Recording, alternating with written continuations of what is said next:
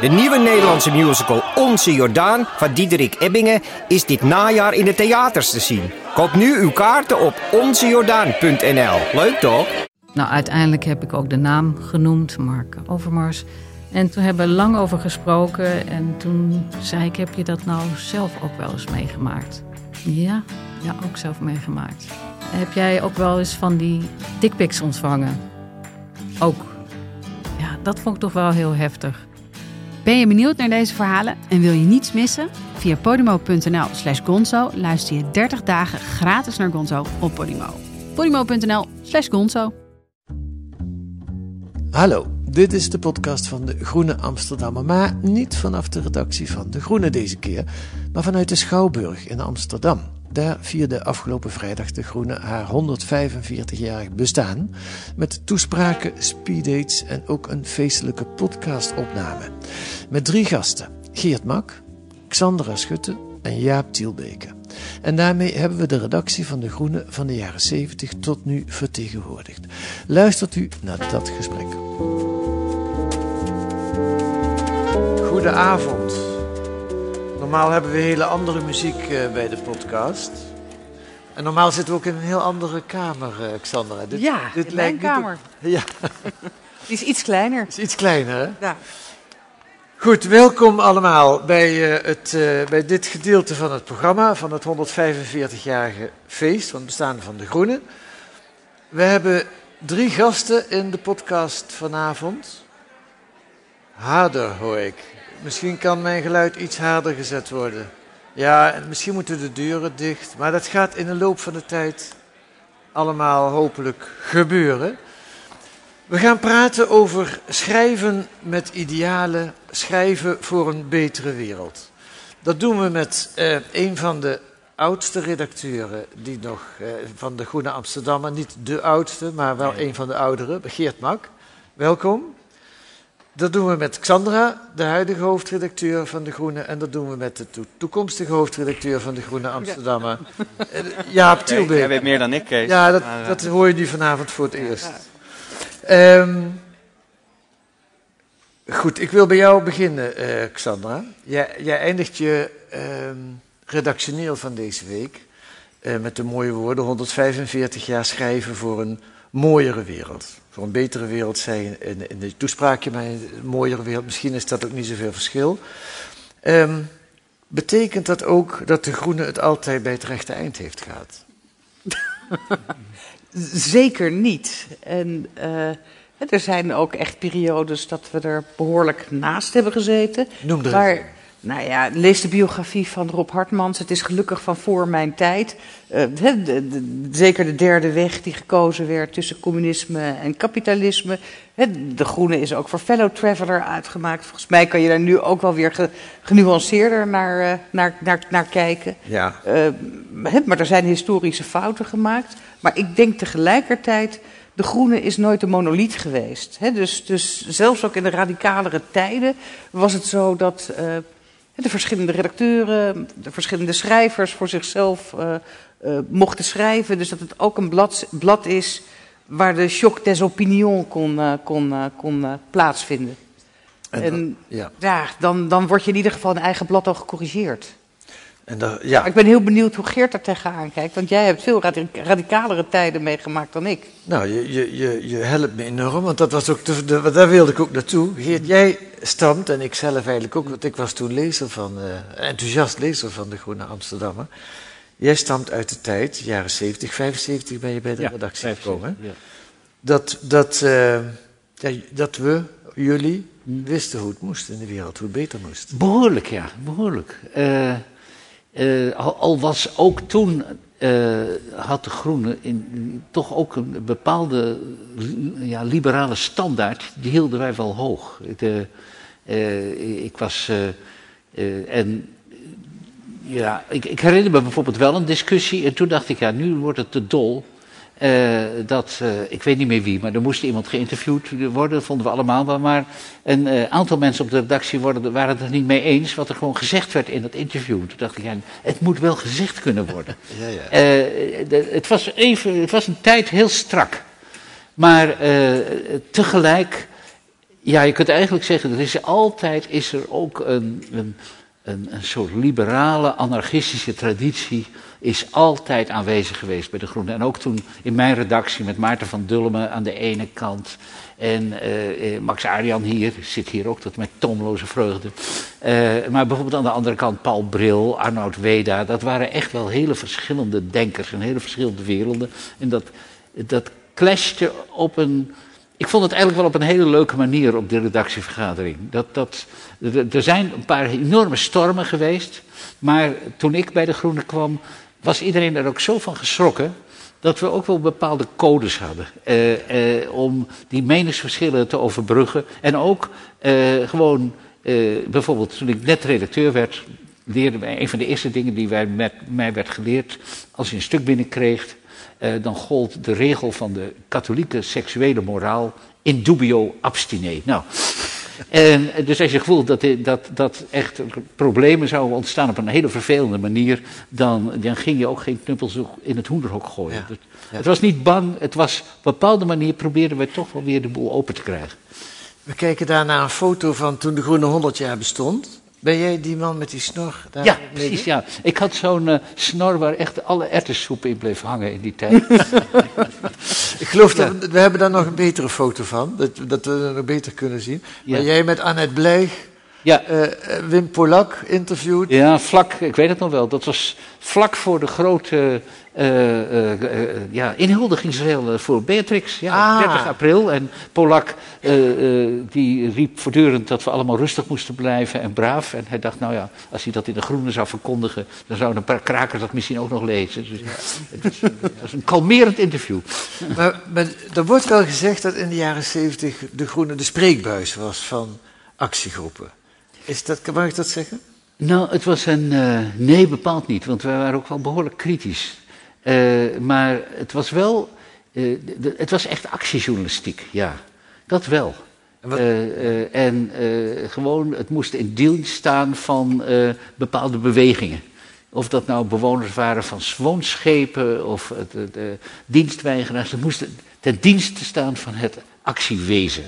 En alleen onderling werden natuurlijk wel waanzinnige discussies gevoerd. Ik, ik, uh, ik mocht, moest mij ontfermen over de kraakbeweging. Nou, we hebben hele series gehad van uh, uh, al de, ja, echt woedend op elkaar. En iedereen had verschillende standpunten. Ik bedoel, er werd binnen die krant ook ontzettend veel gediscussieerd.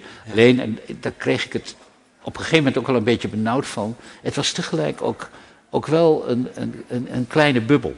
Uh, en uh, een, een, een, beetje een secte ook. En, de groene of die kraakbeweging? Uh, beide.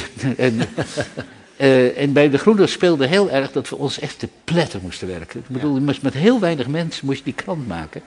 En, dus je was er dag en nacht mee bezig. Het was een, een gesloten instituut, op het ware. Een, een alles absorberend instituut. Je hele leven zat alleen maar, had alleen maar met die krant en met de discussies daar te maken. Dus ja. na, na tien jaar heb ik het ja, heb ik de Groene verlaten eh, om toch de wijde wereld in te gaan. Ik moet zeggen, met de zegen van Martin van Amerongen, die, die mij op de schouder klopte en zei: Jongen, je hebt je velletjes wel volgetikt voor die krant. Ga maar.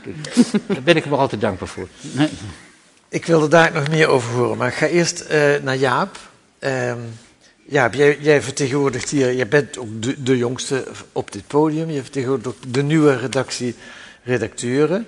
Jij bent uh, voor de Groene degene die over het milieu schrijft, over de klimaatrampen schrijft. Deze week schrijf je in het jubileumnummer een mooi profiel over Bill McKibben, ook een, een, een, een, klimaatjournalist.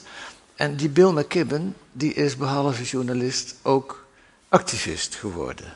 Hoe lang uh, hou jij het nog vol om alleen journalist te blijven?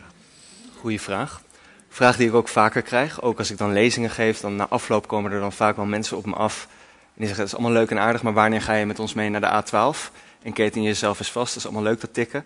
dan heb ik altijd een heel uh, diplomatiek antwoord. Dus ook een beetje uit zelfbescherming.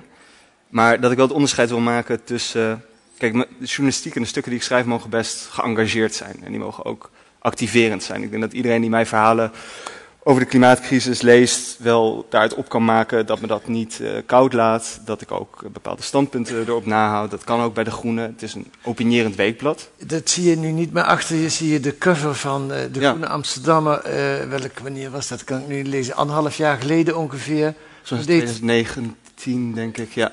Toen deed De Groene, dat was eigenlijk een uitzonderlijk nummer. Toen deed De Groene mee aan een internationale journalistieke actie. Covering Climate Now.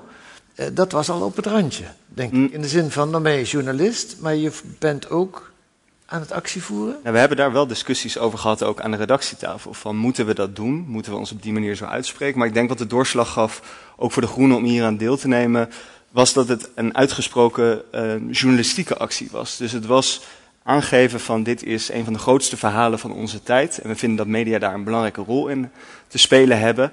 En daar spreken wij ons namens de Groenen over uit. Kijk, het onderscheid wat ik maak is dat ik wel onafhankelijk wil blijven. Daarom sluit ik me niet aan bij een bepaalde beweging of, uh, of, of, of, ga ik mezelf vastketenen aan gebouwen of zo.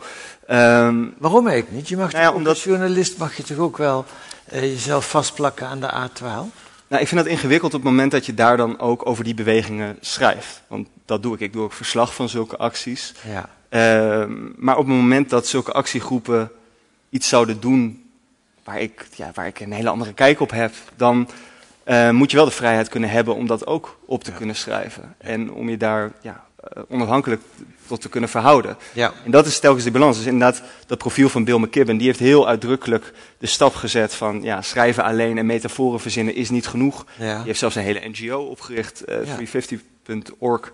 En ik vind hem een inspirerende journalist, inspirerende uh, publicist. Ook omdat hij ja, wel lange uitgesproken artikelen schreef waarin hij vertrekt vanuit de feiten, maar wel ja, tot, uh, tot behoorlijk stevige standpunten komt. Maar als ik jouw woord letterlijk neem, heeft hij door zich als NGO, door die op te richten en door acties te voeren, heeft hij zich voor een deel gedisqualificeerd als journalist. Nou, ik denk dat ik zou dat voor me persoonlijk zou ik dat ingewikkeld vinden. Ja, op het moment dat je zo duidelijk uh, ook een uithangbord wordt namens een bepaalde organisatie. En die bepaalde organisatie wordt ook een speler in het hele krachtenveld waar je over schrijft, dan denk ik, dan is mijn persoonlijke keuze om daar terughoudend in te zijn. Ja. En ik bedoel, dat betekent niet dat ik neutraal ben in deze of objectief, dat ik denk van we moeten het verhaal van alle kanten laten horen, want de waarheid ligt ergens in het midden. Ik maak me er zorgen over en bepaalde uh, tendensen, daar schrijf ik positief over, andere negatief over, maar daar trek ik wel de grens. Ik bedoel, uh, ik kom mezelf ook wel. Uh... Je, je rol is eigenlijk anders. Dat, dat, en ik, kan dat, ik krijg die vraag ook regelmatig.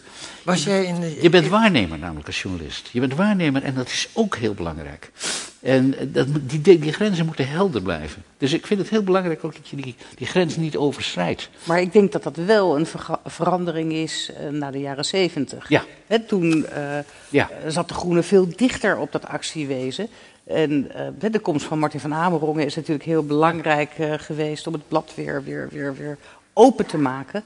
Hè? Ook omdat uh, de groene floreerde toen de actiegroepen floreerden, maar toen het daar minder mee begon, uh, begon te gaan, ja, dat had een directe ja, weerslag denk, op het blad. Ik denk dat we allemaal op onze eigen manier ook weer de, gek, gek, de echte journalistiek gingen ontdekken. Ook weer meer, tenminste zo was het van mezelf, en dat zie ik ook aan de Groenen, dat we gewoon veel meer gewoon weer journalist werden en uh, beseften dat dat ook een hele belangrijke rol is. En dat je op de eigen manier uh, moet doen.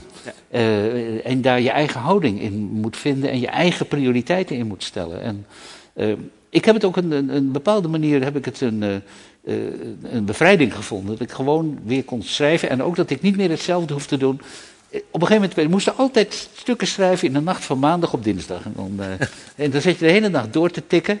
En op een gegeven moment dacht ik, ik doe precies hetzelfde als mijn vader, die was een gereformeerde dominee.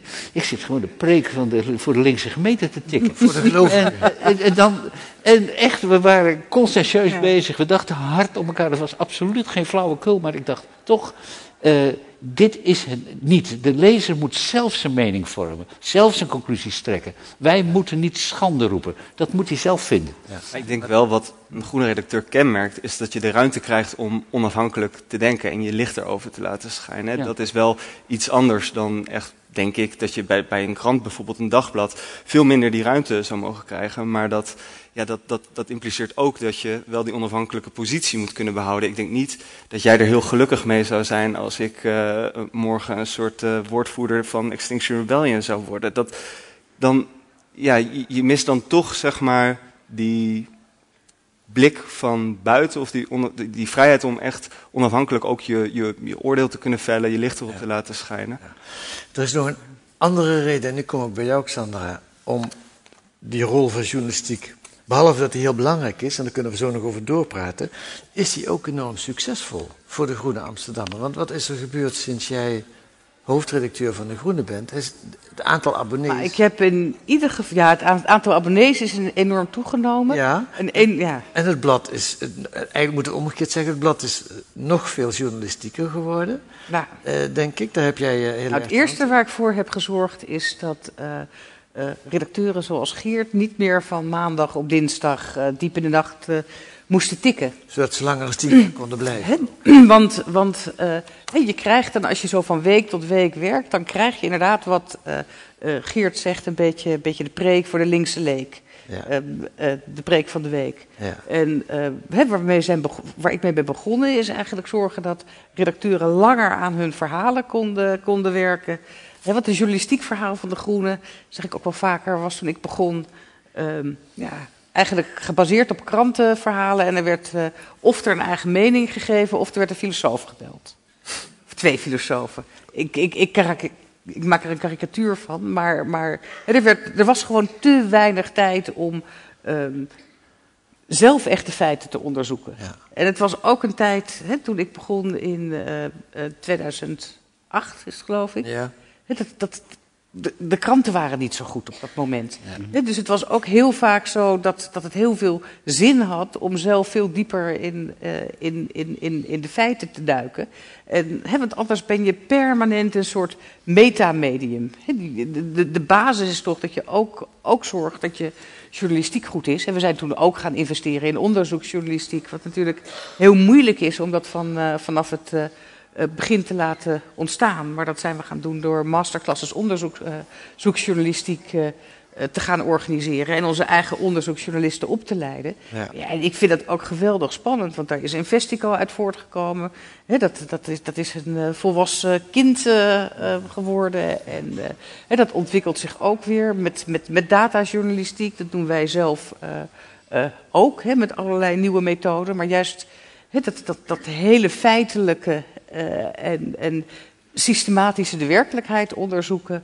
Nou ja, dat, dat, dat, dat is nu een ruggengraat van de Ja. groene. Ik vind het ook altijd heel grappig als jonge mensen eh, eh, komen solliciteren voor een stageplaats of, of redacteur willen worden. Hè, dat ze dan beginnen over, eh, ja, de groene is toch het blad voor onderzoeksjournalistiek. Nou, als je naar 145 jaar eh, groene kijkt, heeft er 135 jaar echt nauwelijks onderzoeksjournalistiek in, eh, in gestaan. Ja, ja. ja, maar en, dat mag ook best gezegd worden, het is de sleutel geweest. De Groene heeft, eh, ik heb dat in het boek van Rob Hartmans over geestdrift met, wat is het ook weer? Geestdrift met verstand. Geestdrift met verstand, dus over de geschiedenis van de Groene. Dan zie je dat er een permanente strijd is om boven die 13.000, 12.000, soms 10.000 abonnees uit te Ja. komen. En wat is er de laatste tien jaar gebeurd? Toch een klein wondertje.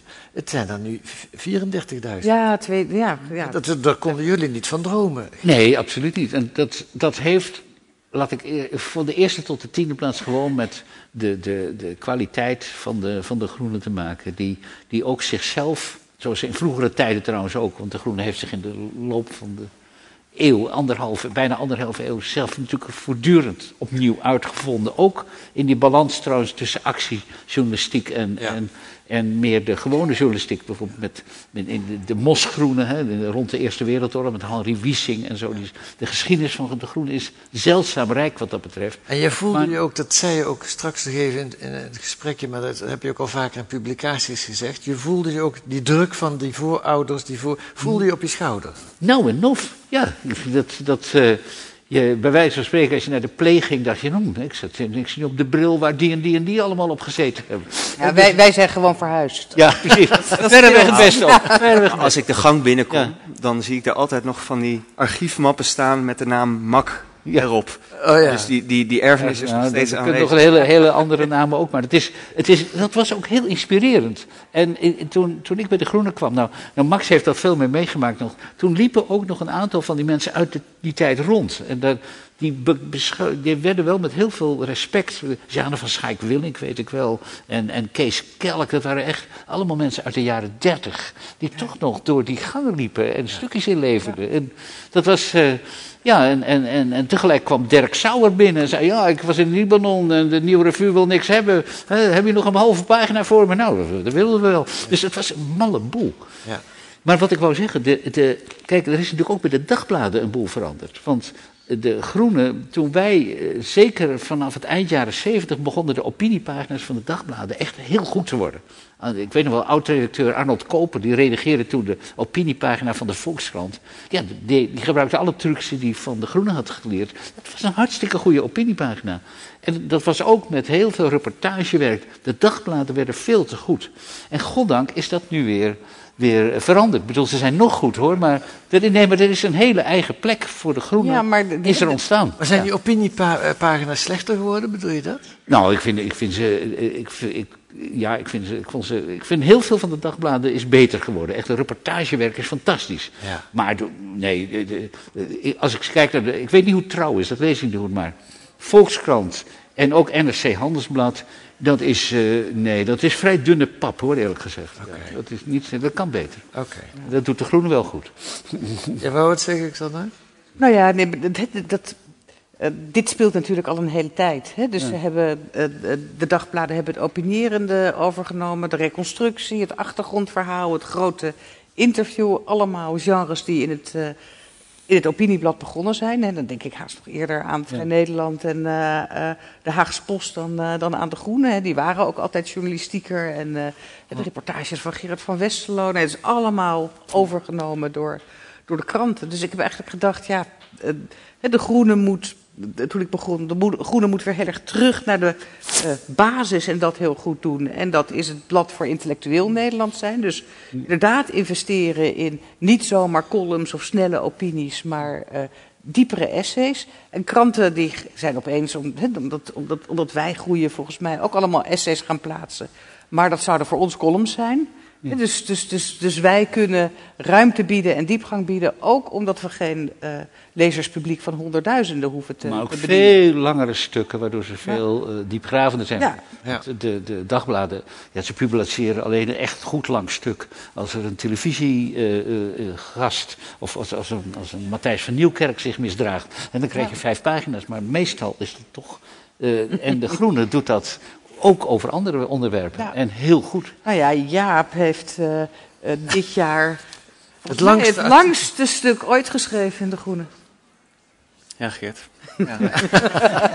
Nee, maar dat is natuurlijk Hoeveel, ook wel heel hoeveel- kenmerkend. honderdduizend woorden? Dat was 20.000 woorden, maar dat is tekenend voor de Groene dat ik dan zo'n plan heb. En van, nou, ik wil me nu eens helemaal ergens in vastbijten. En dat ging over de, de ontvangstgeschiedenis van het Grenzen aan de Groeirapport van de Club van Rome.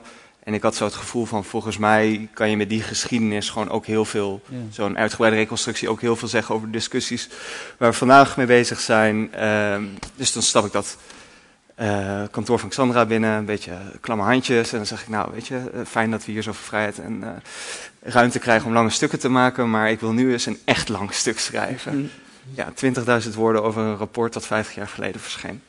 Nou, hartstikke goed, ga dat doen. En eh, ja, maak er ook een boekje van anders. En eh, ja hoor, dan kan je verlof krijgen.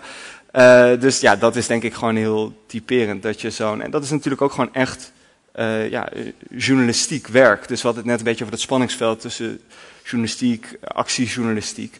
Het vertrekt wel altijd voor, vanuit die nieuwsgierigheid naar de wereld en vanuit nieuwsgierigheid naar die, naar die feiten, voor waarheidsvinding. Oké, maar die nieuwsgierigheid, die, die, die neem ik voor eh, granted. Wat is, die, die neem ik aan, dat is zo. Maar ik wil jullie tot slot van alle drie toch nog onderzoeken. Ehm, kijk, schrijven als spreekbuis van een actiegroep, eh, dat, dat, dat willen, jullie, willen we allemaal niet meer. Dat willen jullie alle drie niet meer. Ehm, Laat ik het andersom vragen. Begin bij jou, Geert. Betekent dat dat je schrijft zonder idealen? Nee.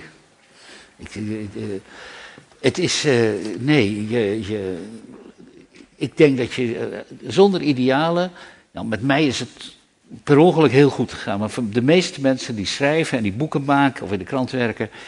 Ja, daar kun, je, eh, daar kun je net van leven, maar ook het is niet de uitbundigheid. En heel vaak zie ik journalisten met ontzettend veel kennis en talenten en weet ik wat meer, die zodra ze zich melden bij een bedrijf of een ministerie, zouden ze vier keer zoveel kunnen verdienen. En toch blijven ze dit doen, omdat je dat werk fantastisch vindt. En het is op een bepaalde manier, eh, zonder in hoofdletters te vervallen, toch een beetje je, je roeping gewoon. Dat is je vak. Maar waarom? Wat maakt het tot roeping? Eh, wat hier van, vanavond op het podium ook gezegd werd. Het is een, we leven in een zeldzaam gevaarlijke en ingewikkelde tijd op dit moment. En ik denk dat onze werk is om voortdurend feiten daarover aan te dragen en een poging te doen om ze te duiden. Om in die chaos een paar lijnen te trekken. Heel voorzichtig en, en dat is moeizaam, maar dat is permanent ons werk. Eh, Historici doen dat over de geschiedenis en journalisten doen het over het nu, maar het is een beetje hetzelfde soort werk. En het is zeker in deze tijd, waarin we natuurlijk doodgegooid worden met leugens en lulkoek, is het, is, sta je echt on- aan de frontlinie. En het, en het ideaal is dan duidelijkheid scheppen? Het ideaal is. eh, eh, nee, het is, het is duidelijk. eh, Mensen, op, eh, mensen aan het denken zetten en aan het denken houden. En ook eh, voortdurend op eh, nieuwe feiten. En dat is typisch een rol voor de Groenen. eh, feiten die, en, en, en ideeën die een beetje buiten de institutionele kaders vallen. Bedoel, in, de, in, bij de, in die groene, die best marxistisch en een beetje zwaar was in de jaren zeventig. Maar er was altijd ruimte voor iets nieuws en iets raars. Ik zie nog een, een oude medewerker, Jan Launsborg, de trap opkomen met een stuk. En zei, ja, er is nu iets aan de hand. En dat was echt het eerste stuk dat in Nederland verscheen over het gat in de ozonlaag bijvoorbeeld. Dat kwam met de groene. En zo zijn er veel meer. De, de groene was op die manier ook, ook echt wel op een bepaalde manier vernieuwend. En ik zie die traditie ja, tot, tot deze dag, en jouw stuk ook, zie ik doorgaan. En daar word ik zeldzaam vrolijk van. Maar het is denk ik ook een, een hele belangrijke maatschappelijke functie. En ik bedoel, dat is niet alleen je lezers, maar de Groene wordt ook best goed gelezen door bepaalde opiniemakers en bepaalde beleidsmakers. De Groene heeft een, een enorm eh, ja, uitstralend effect. Dat moeten we niet onderschatten. Xandra? hier, hier. Xandra, schrijven, eh, waarom schrijf jij? Wat is jouw, wat is jouw, ik bedoel, waarom je hoofdredacteur bent, dat zet ik even opzij, maar waarom schrijf jij jouw stukken? Wat drijft je daarin? Maar ja, ik bedoel, ik ben nu niet in de eerste plaats schrijvend eh, journalist. Nee, maar je schrijft En ook. Ik schrijf vooral eh, over de literatuur, omdat dat een grote liefde van me is. Zo ben ik ook in de journalistiek eh, begonnen. En dat kan ook heel goed naast mijn drukke hoofdredacteurschap, want dat kan ik in de avonden en eh, de weekenden doen. Dus, mijn, en, en, dus dat is een engagement voor, voor, voor, voor, voor literatuur en voor filosofie waar ik over schrijf. Maar ik probeer natuurlijk de hele groene vanuit engagement te maken en idealisme.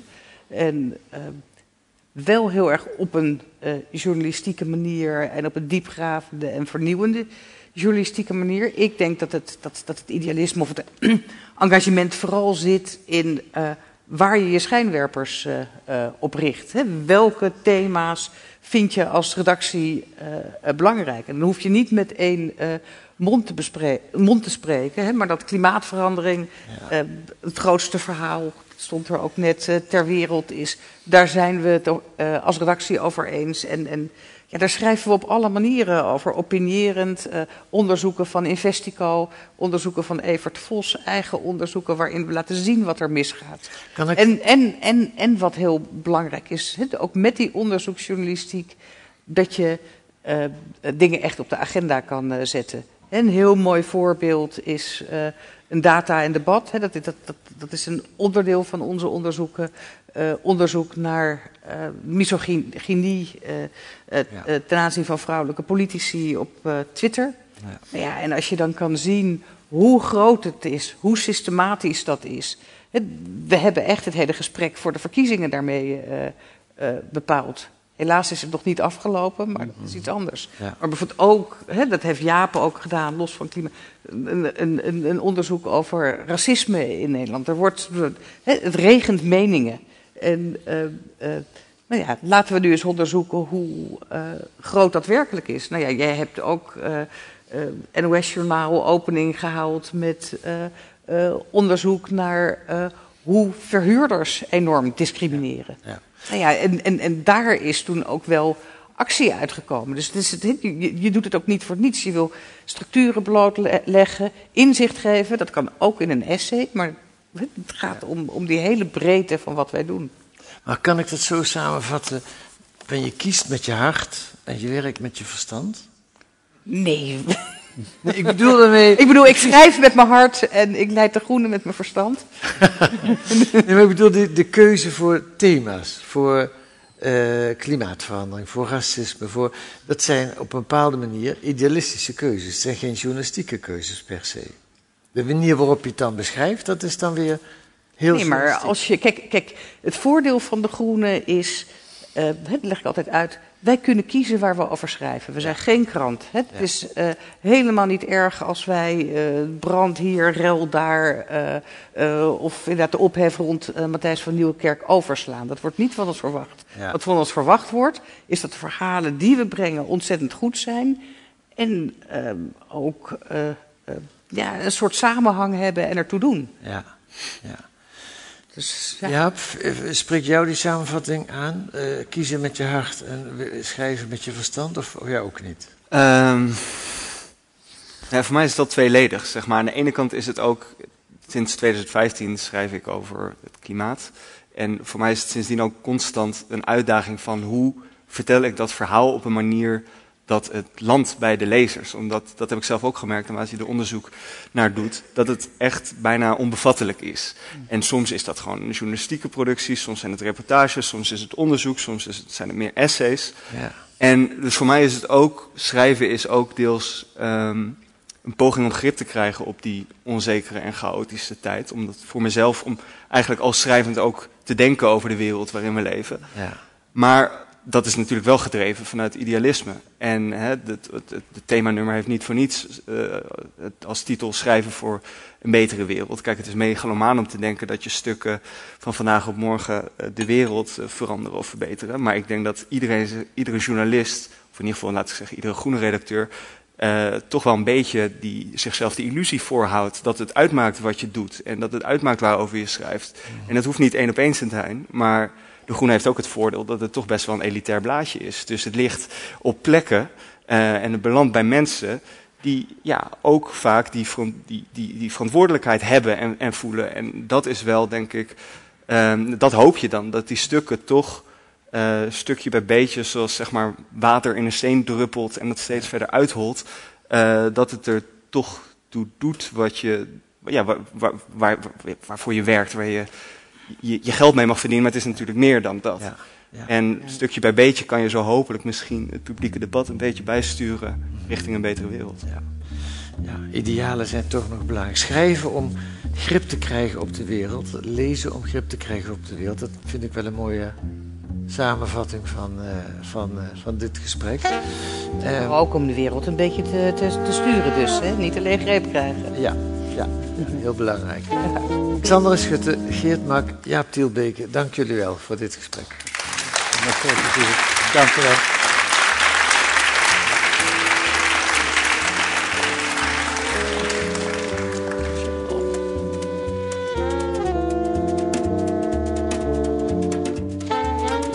U hoorde een opname van de podcast in de Schouwburg in Amsterdam afgelopen vrijdag. Met dank aan de drie gasten natuurlijk. Geert Mak, Xandra Schutte en Jaap Tielbeke. En aan iedereen die het feest vrijdag mogelijk heeft gemaakt. Wat staat er nog meer te lezen in het extra dikke jubileumnummer van De Groene? Een essay van de journalist Jeroen Smit. Wat houdt de CEO's van nu nog tegen om wel de duurzame weg te gaan? Dat vraagt hij zich af. En zijn antwoord is: ze lijken te veel op onze premier, Mark Rutte. Ze ontberen de moed om te zien, te voelen dat het systeem waarin je groot bent geworden niet meer deugt. Dat de spelregels moeten veranderen. Dat een transformatie onontbeerlijk is. En een stuk over muckrakers. Amerikaanse journalisten uit het begin van de vorige eeuw die het machtsmisbruik van de grote industriële monopolisten zoals Standard Oil blootlegden. Wat kunnen we van hen leren? Vraagt Investico hoofdredacteur Thomas Muns zich af. Dat kunt u lezen met een abonnement of een proefabonnement. Ga dan naar groene.nl, daar wordt u dat uitgelegd. U kunt ook reageren op deze podcast via een mail. Ons adres is podcast.groene.nl. En intussen kunt u ook sterren geven in uw podcast-app of een korte recensie schrijven. Volgende week zijn we er weer met een podcast met achtergronden bij het nieuws in deze podcast van de Groene Amsterdammer. De muziek is het Tune for N van Paul van Kemenade. Tot volgende week.